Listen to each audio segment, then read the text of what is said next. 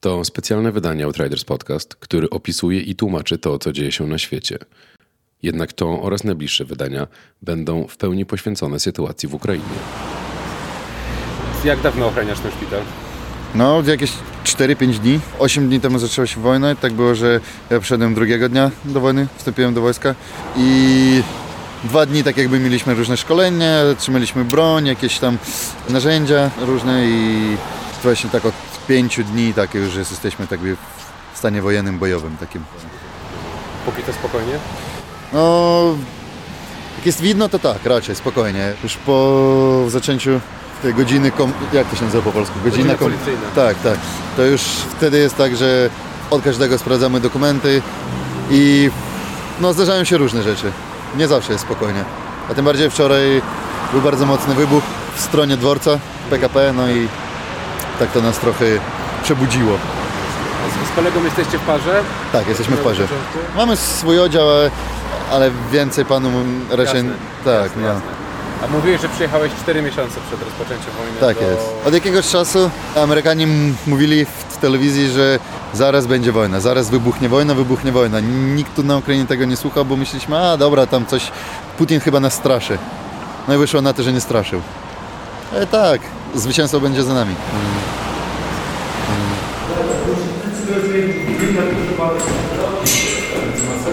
Dziś idziemy do jednego z kijowskich szpitali. Hej, I'm Jakub. Pleasure to meet you. Yeah, my pleasure to see you. Could you introduce yourself? Czy możesz na start powiedzieć nam, czym się zajmujesz? Is Moją specjalnością jest anestezjologia kardiologiczna, a także pediatria. Obecnie jestem osobą odpowiedzialną za sytuacje awaryjne oraz za triaż poszkodowanych. Been kiedy tutaj jesteś? Jestem tutaj od początku wojny. Ósmy dzień. Jak to wyglądało, kiedy to wszystko się zaczęło?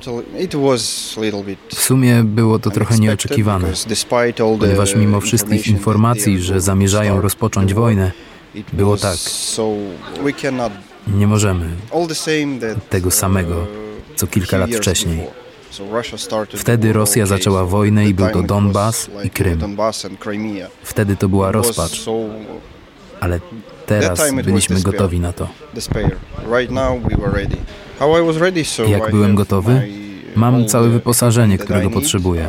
Spakowałem wszystkie rzeczy potrzebne dla mojej rodziny.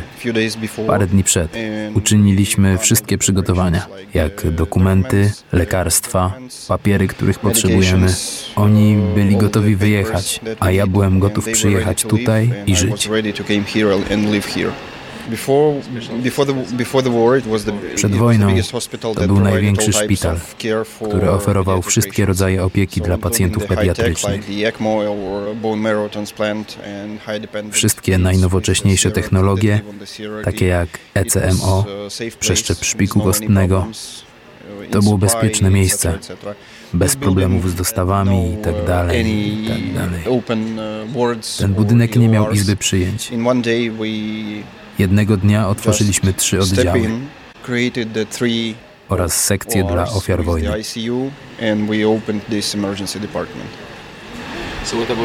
A dzieci? Jak one to znoszą? Są wystraszone. Mm, Muszą żyć w piwnicy, shelters. schronach. Uh, Nie mogą nic robić, co dzieci robią. Są bezpieczne, nie mogą grać, nie mogą wyjść na dwór. Dla mnie to tragiczna sytuacja. And what is more important, some of them don't have time. Co jest ważniejsze, niektóre z nich nie mają czasu, żeby czekać. Teraz przygotowujemy całą dokumentację i wszystkie badania medyczne do przeszczepów wątroby. To poważna operacja. Czy może się to udać bezpiecznie w Kijowie? Nie wiem, ale czynimy wszystkie przygotowania. Także dzieci oczekujące na przeszczep szpiku kostnego pojechały do Polski. I chciałem podziękować moim kolegom, którzy teraz o nie dbają. Możemy kupić wszystko poza czasem. Te dzieci go nie mają. Jeszcze raz And podziękowania One more time, thank you, colleagues. Czy poza nagłymi przypadkami robicie też regularne zabiegi i operacje? Teraz wykonujemy zabiegi, które są w kalendarzu. Uh, Będzie to operacja neurochirurgiczna, a kolejna na uh, noworodku. Mamy pacjentów, którzy nie mogą jechać ze swoimi problemami, i musimy je rozwiązać. ale nie możemy operować jednocześnie w paru salach. Robimy to w jednej sali, jedna po drugiej. the, in one operating room. We always have Zawsze mamy dwie gotowe dla ofiar wojny. mass casualties. So, are you preparing right now for like Przygotowujecie się do ewakuacji?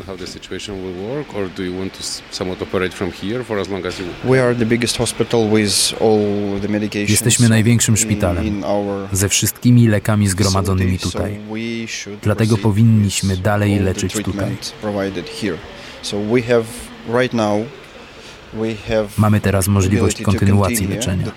Na przykład dla dzieci z chorobami nerek, które teraz tu żyją i są zależne od tego typu leczenia. Pomimo bomb, które spadają, nadal je leczymy.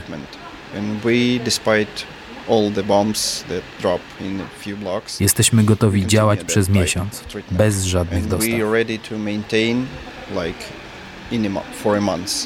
with no additional supplies. Is there anything you need right now? Because I Na wejściu widać wiele osób, które przynoszą people różne rzeczy. bringing Czy czegoś wam szczególnie potrzeba? Toiletries and stuff like a, this. uh, a lot of people want to help. want Wiele osób chciało pomóc, Want to participate chciało uczestniczyć. But right now, in, it was like Teraz, w ciągu jednego dnia, uh, społeczność pomogła nam na przykład z jedzeniem dla dzieci.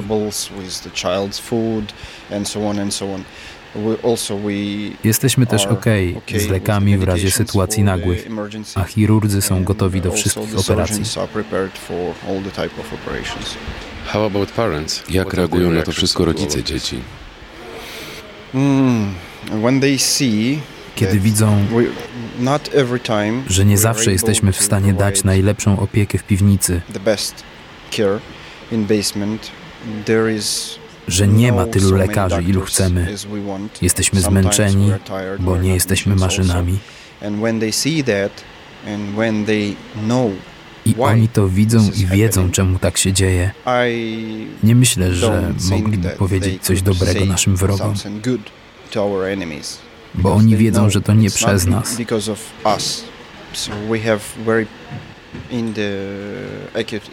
Na oddziale toksykologicznym mamy dwójkę dzieci, 100% których stan się pogorszył o 100%, got worse because of przez to, że żyją w piwnicy w złych warunkach.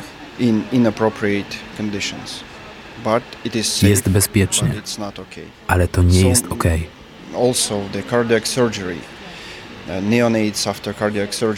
A także operacje na sercu, Operacje na otwartej klatce piersiowej w piwnicy. uh, To wszystko działa dzięki medykom, którzy zdecydowali, żeby nie wyjeżdżać i zostali. Wielu z nich pracuje five days in a 4-5 row, dni bez przerwy. I to nasz sposób, żeby wspierać armię. Kiedy oni wiedzą, że ich dzieci są bezpieczne, będą mogli lepiej działać. Więc to robimy. Zajmujecie się również ofiarami wojskowymi?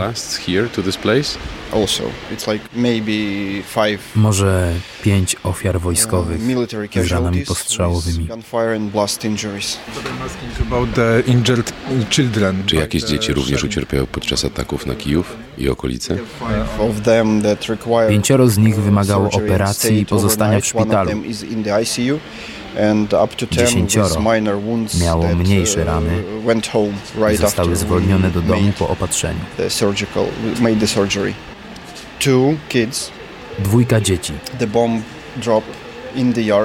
Bomba spadła na podwórko That's the 15 kid from km 15 od Kijowa.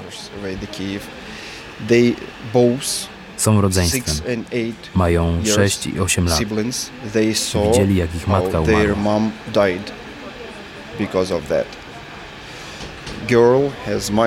Dziewczynka doznała małych obrażeń nogi. Fizycznie jest dobrze, jest bezpieczna.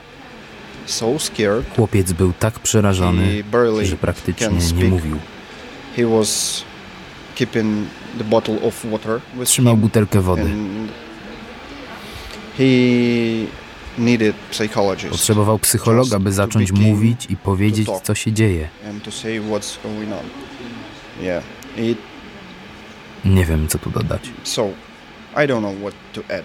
So two kids see Dwójka dzieci widzi na własne oczy, jak umiera ich matka. Uh, That's all.